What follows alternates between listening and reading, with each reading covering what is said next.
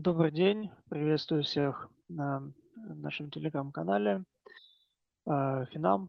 Меня зовут Тимур Нигматуллин, я старший инвестиционный консультант.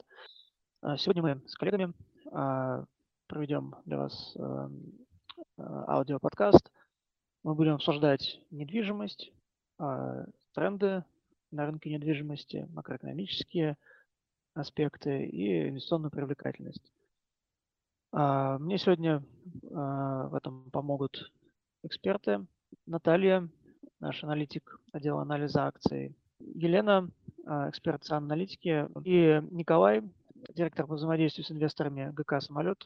Собственно, я предлагаю обсудить тему с двух сторон. С точки зрения общеэкономических тенденций, которые так или иначе касаются рынка недвижимости – государственной политики, которая касается рынка недвижимости. Ну и, соответственно, предоставлю слово уважаемым спикерам по этой теме. И второй э, момент – это инвестиционная привлекательность с той или иной точки зрения, ну, в соответствии с вашими компетенциями.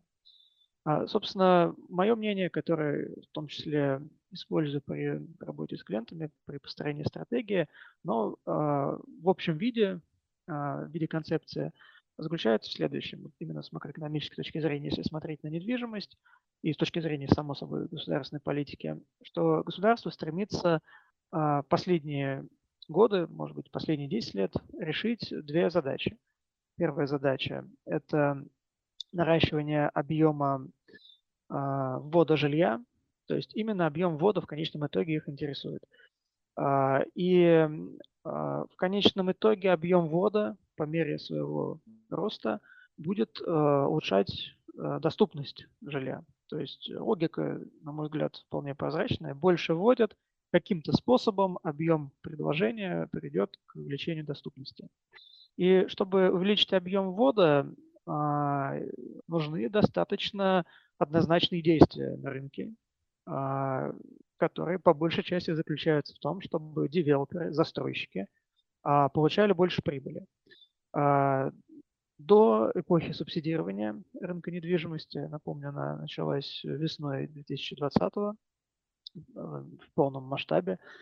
А, рентабельность девелоперов а, ну, вот несколько лет, начиная с 2014 года, с 2013 была относительно низкой. То есть была, наверное, около 10 15%. Ну, то есть было много сообщений, в том числе в СМИ, что девелоперы видят давление на их маржинальность. И а, по мере того, как э, снижение ставки ипотечного кредитования э, разгоняло цены, рентабельность бизнеса девелоперов возросла.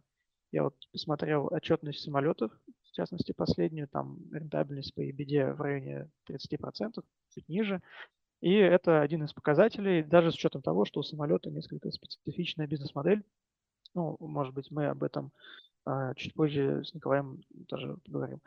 А, собственно, увеличение интереса к этой отрасли привело к тому, что стало, эм, стал расти объем стройки, соответственно, в будущем возрастет объем сдачи.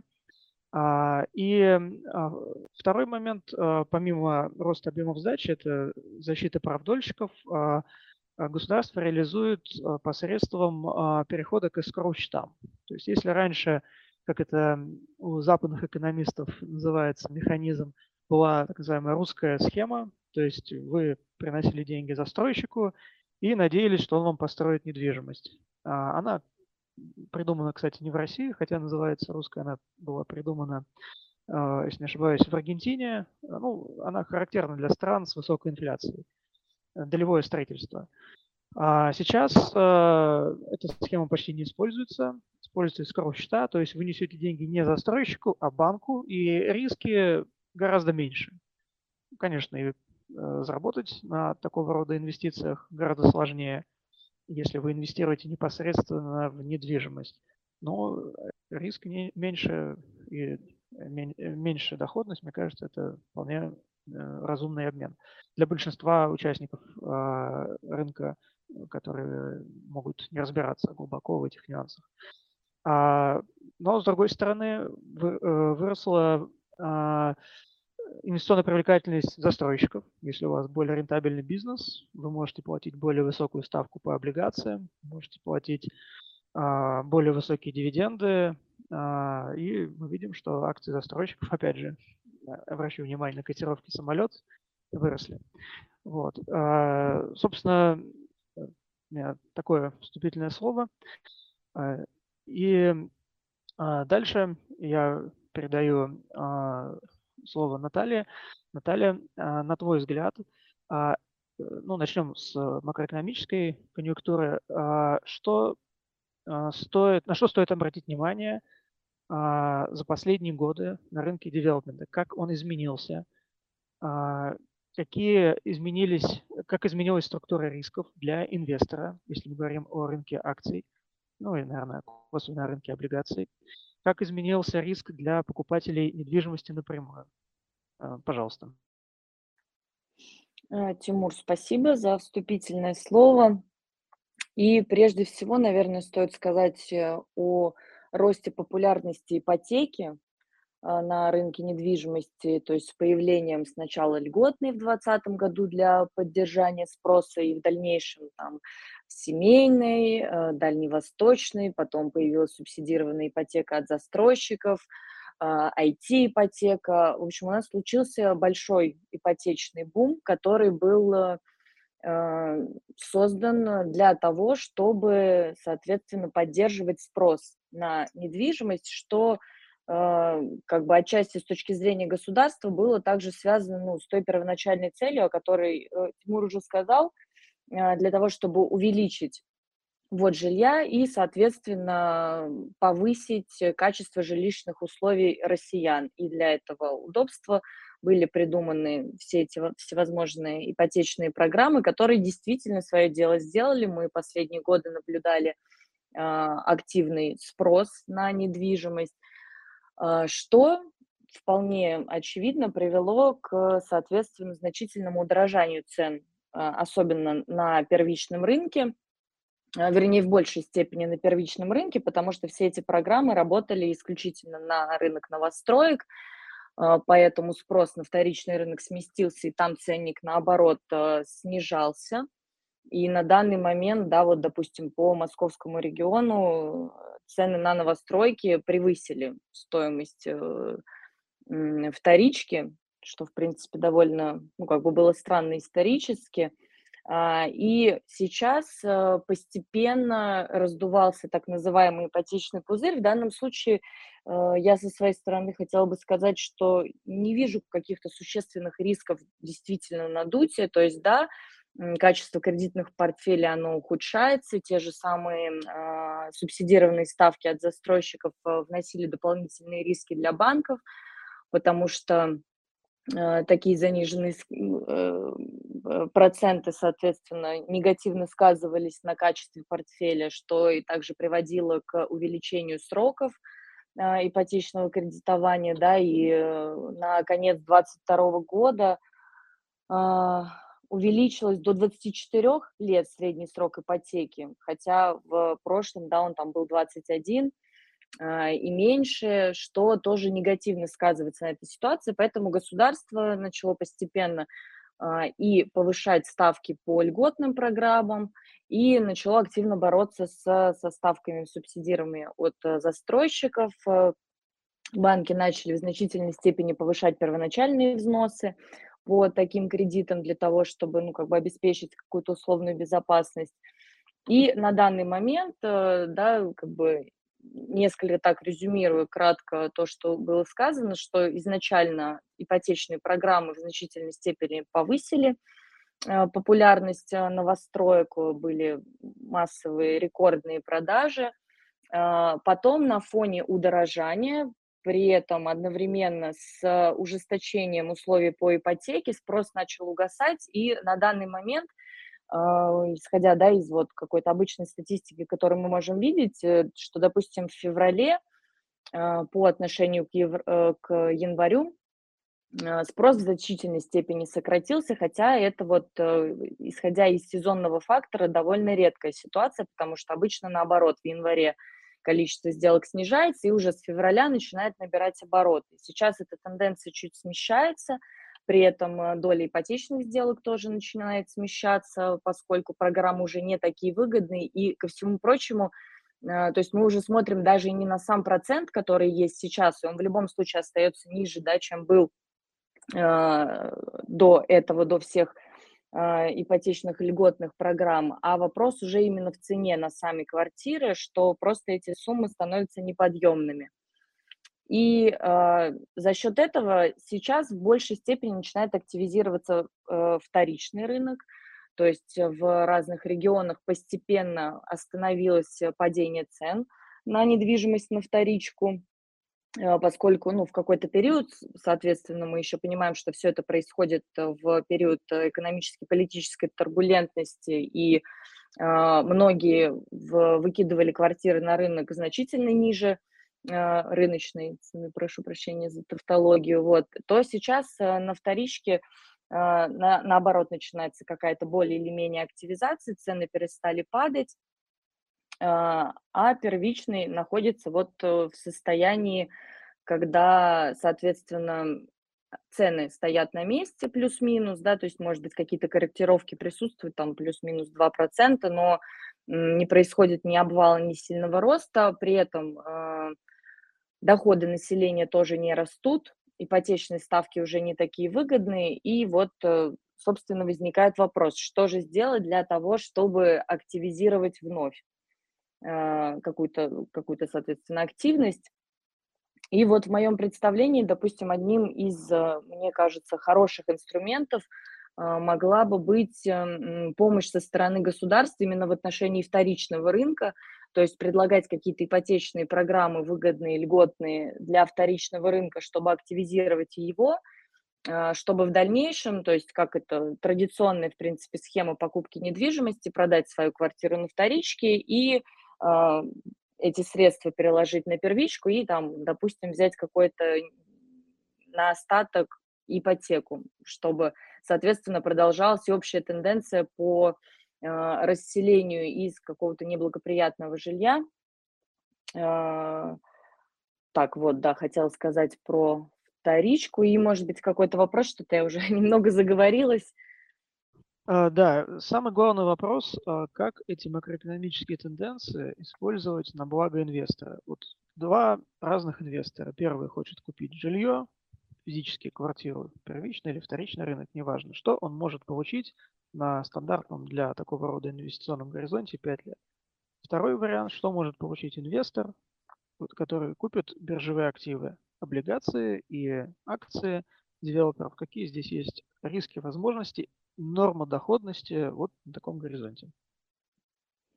А, что касается физической покупки недвижимости, то, мне кажется, в тех реалиях, которые есть сейчас, на горизонте пяти лет э, маловероятно, что это будет высокая доходность. То есть поскольку цены находятся на э, пике, то э, в среднесрочной перспективе рост цен замедлится, какая-то должна произойти коррекция, после чего, да, он восстановится. То есть э, в отношении в физической покупке недвижимости тут скорее нужно рассматривать потенциальную доходность на более э, широком горизонте, то есть 10 плюс лет.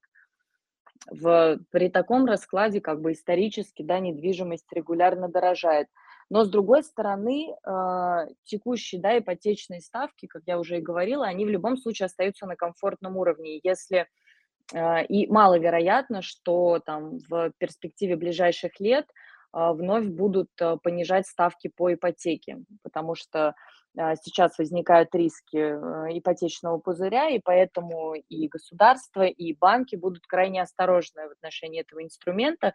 А, соответственно, текущие ставки достаточно комфортные, и а, при э, активном поиске подходящего варианта, то есть тут нужно более тщательно рассматривать непосредственно объекты, то есть и застройщика, его надежность, э, там, переносы сдачи и всего остального прочего, там, инфраструктуру окружающую, наличие метро, парков, э, социальной инфраструктуры и так далее, и так далее. То есть э, потенциально интересные инвестиционные физические объекты, они присутствуют, но при желании получить э, быструю доходность это не тот вариант сейчас. Тогда как в отношении биржевых инструментов, как бы это а, более среднесрочные инвестиции, и исходя там из понимания, допустим, конкретных э, застройщиков, которых мы рассматриваем, можно делать более точные и более понятные прогнозы на развитие бизнеса в какой-то перспективе. Ну, тут нужно тоже рассматривать каждого по отдельности. При этом, допустим, есть такой инструмент, как дивиденды, который тоже можно иметь в виду как э, фактор привлекательности застройщика.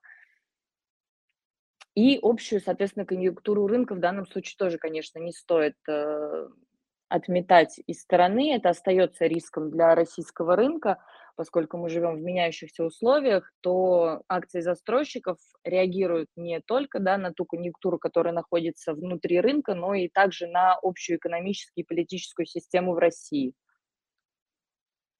Э, понятно. И последний вопрос, буквально э, на несколько фраз. А если э, доходность облигаций рублевых девелоперов составляет около 11, иногда 12 процентов, доходность к погашению, а с ней более-менее все понятно, и с рисками такого рода инвестиций тоже все понятно. На какую доходность можно рассчитывать, покупая акции? И какие имена у нас есть среди инвестиционных идей? Мы сейчас не будем обсуждать потенциал роста акций, просто дивидендную доходность и имена. А, ну, собственно, я думаю, это будет достаточно. Спасибо. Я точно по цифрам не скажу, какую доходность да, могут приносить акции, но определенно точно это больше, чем облигационные. Э, если да, кратко сказать по тем эмитентам, которые мы имеем, это э, ПИК, ЛСР, Эталон и самолет. Э, на данный момент среди всех вышеупомянутых девелоперов единственный, кто выплачивал дивиденды в 2022 году, это самолет – вот, и с высокой долей вероятности компания выплатит дивиденды в 2023 году, но это, я думаю, нам подробнее Николай расскажет. Но как бы вот по тем оценкам, которые, которые я предполагаю сейчас, то есть э, дивиденды за 2023 год у самолета могут составить около 10 миллиардов рублей. Это 5 миллиардов, которые были перенесены э, за, выпл... за 9 месяцев 2021 года, и 5 миллиардов э, минимум по дивидендной политике, что как бы к текущей цене акций приносит доходность порядка 7%. Вот это если касаемо дивидендной доходности. Поэтому в этом контексте как бы самолет среди э, других застройщиков выигрывает. Я предлагаю перейти к следующему эксперту. Это эксперт ЦИАН аналитики Елена Ушина.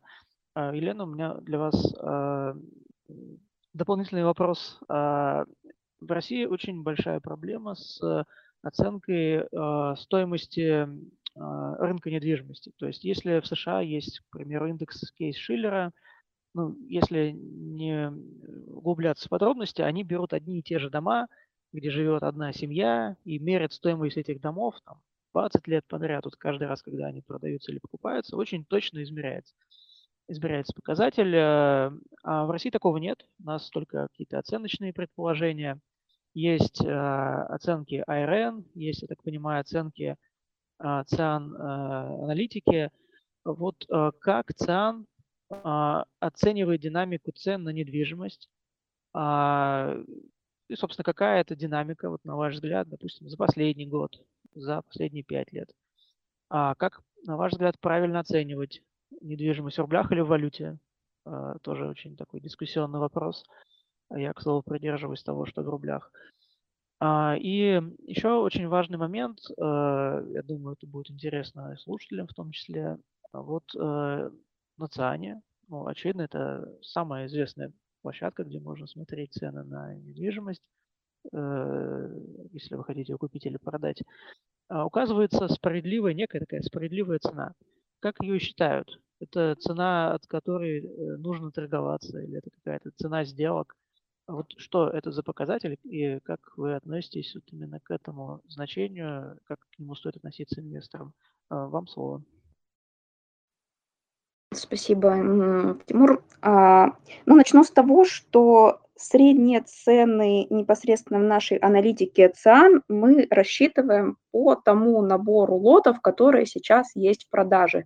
Это касается и первичного рынка, это касается и вторичного рынка. То есть мы берем весь объем предложения и смотрим по нему средний ценник квадратного метра, средний ценник лота.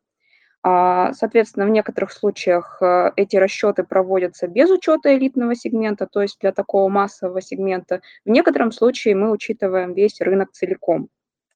Если э, обратиться к динамике рынка, то в 2022 году средние цены на первичном рынке крупных городов увеличились примерно на 11%.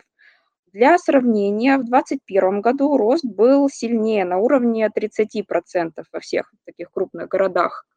Нужно понимать, что вот эти вот 11% за 2022 год, это, этот результат, он обеспечен прежде всего успешным первым кварталом прошлого года.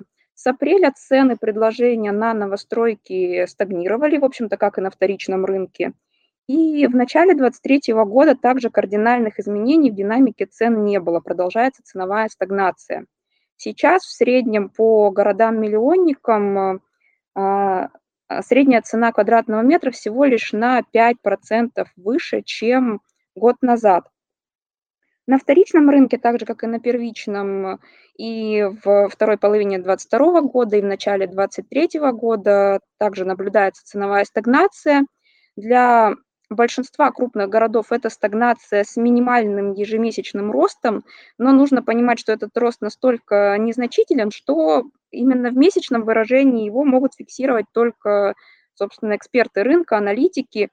Но по итогам года все-таки сложилась вполне заметная динамика. А, сейчас в среднем по крупным городам а, цены примерно на 3,5% выше, чем годом ранее – но это характерно не для всех городов. Э, если мы обратимся к Москве, а, наоборот, в 2022 году динамика была такая стагнация с минимальным ежемесячным снижением.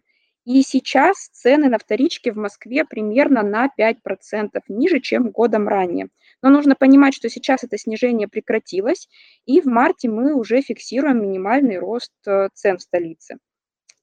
Что касается а, вот этих вот оценочных, а, а, той цены, которая считается оптимальной для циана. Это рассчитывается нашей моделью для каждой конкретной квартиры по ее характеристикам, по характеристикам самой квартиры, по характеристикам жилого дома, в котором эта квартира располагается, по характеристикам района. И на основе этого и покупатель, и собственник, который выставляет квартиру, может э, ориентироваться вот на такой вот средний уровень цен. Понятно, что это все модель, это оценка, это усредненное значение, и в каждом конкретном случае цены могут быть выше или ниже этой нашей модели, но для понимания рыночной ситуации, для понимания среднего уровня цен, это неплохой вариант. Да, спасибо большое. А, я предлагаю перейти а, к завершающей части а, нашего подкаста. Соответственно, переходим к Николаю. Это, напомню, директор по взаимодействию с инвесторами, называемая AR-служба группы компаний «Самолет». Николай, у меня к вам вопрос в первую очередь по бизнес-модели девелопера насколько я понимаю, она сильно отличается от бизнес-модели а, других компаний, по крайней мере, публичных. То есть э, самолет а, может э, показывать высокие темпы роста, ну, как видим, платить дивиденды, а, в отличие от многих других участников рынка, по той причине, что развитие каких-то проектов происходит совместно с первоначальным владельцем недвижимости. То есть э, это некая совместное развитие участка застройки. А, и вот, может быть, вы подробнее расскажете, как это устроено, ну, собственно, чтобы инвесторы, потенциальные покупатели акций, облигаций, девелоперы при выборе могли руководствоваться ну, определенной логикой, а, на что а, ориентироваться в плане долгосрочных перспектив. И а, второй вопрос. А, как вы видите влияние а, первона... Э, увеличение первоначального взноса по ипотеке, которая хочет а, рост которого хочет стимулировать Центральный банк. Я так понимаю, они хотят двухэтапно повысить первоначальный взнос до 20% от стоимости объекта, потом позже, по 2025 году, до 30%. Вот а, есть ли у вас какие-то оценки, которые могут, а, понять, которые могут э, позволить лучше понять э, перспективы девелоперов, при условии, если ставки не будут меняться, ставки ипотечных кредитов, вот именно повышение первоначального взноса, насколько это критично? А, вот э, вам слово, пожалуйста. Да, Тимур, большое спасибо. Коллеги, добрый день. А, действительно, спасибо. Тимур, вы отметили одну особенность нашей бизнес-модели, отличающую нас от э, других девелоперов. Наша модель партнерств. Мы, э, как правило, не покупаем земельные участки за кэш. Мы создаем совместное предприятие с э, лендлордом, с владельцем земельного участка, в котором самолету принадлежит контрольный пакет – как минимум, это от 51 до 75 процентов. А дальше мы реализуем девелоперский проект, и а, либо по завершению девелоперского проекта делимся прибылью с владельцем земельного участка, либо он получает некий процент от выручки, от реализации квартир, которые в проекте были построены. В любом случае, смысл в том, что если другие девелоперы предпочитают заплатить живыми деньгами за земельный участок и всю прибыль сконцентрировать на себе, мы пошли по другому пути. И этот путь позволяет нам развиваться очень быстро. Мы компания довольно молодая по сравнению с а, другими крупными игроками. Компания создана в 2012 году, и за 10 лет существования мы смогли а, сформировать самый большой в России земельный банк. Это 34,2 миллиона а, квадратных метров. А, он сконцентрирован преимущественно в московском регионе, Московская область, наш э, домашний регион, из которого мы начинали развитие, также Москва. А, мы представлены сегодня в северо-западном регионе, в Ленинградской области, в Санкт-Петербурге. У нас есть проект, уже стартовали продажи в Тюмени. Также активно сейчас занимаемся а, географической диверсификацией, выходим в новые регионы, работаем на, например, в Владивостоке, а, на Сахалине у нас есть большой проект, а, в Казани, и также в ближайшее время планируем выйти еще в ряд, э, в несколько крупных российских регионов. И в рамках нашей географической экспансии мы тоже стараемся следовать вот э, такой логике а, эта логика позволяет нам быстро развиваться, не, при этом не увеличивая существенным образом а, долговую нагрузку. А, для примера, на конец года у нас чистый корпоративный долг составлял около 85 миллиардов рублей.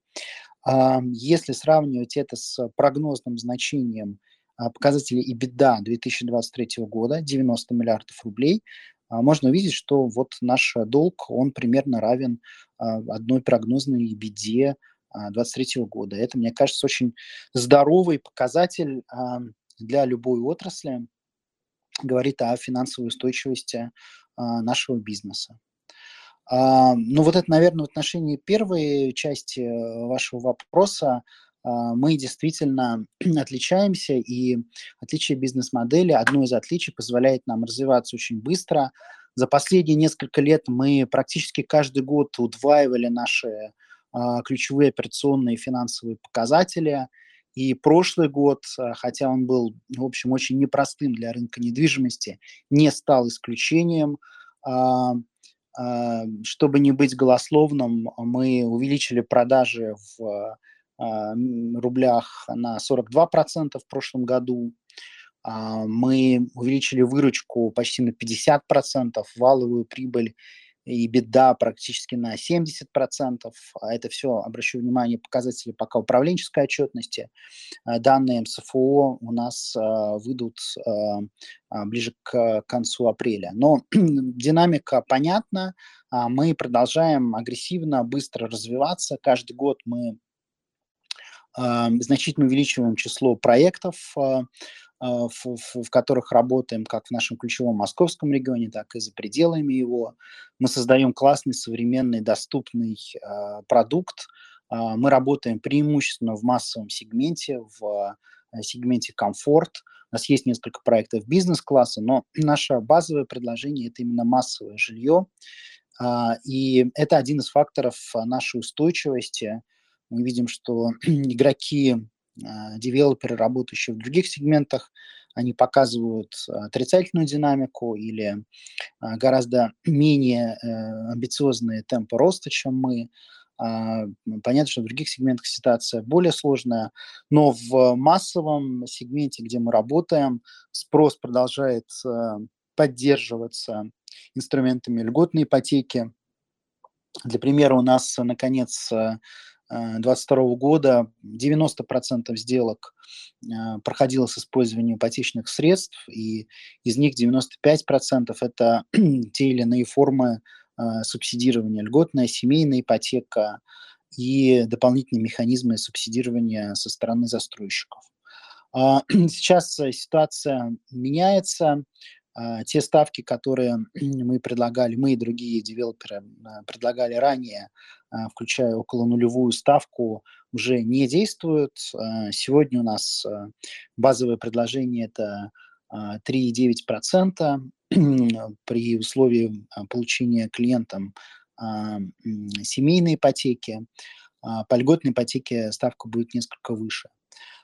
Тем не менее, мы от этого инструмента не отказываемся, и а, понятно, что вот э, таких привлекательных ставок, как были раньше, наверное, в ближайшее время уже не будет.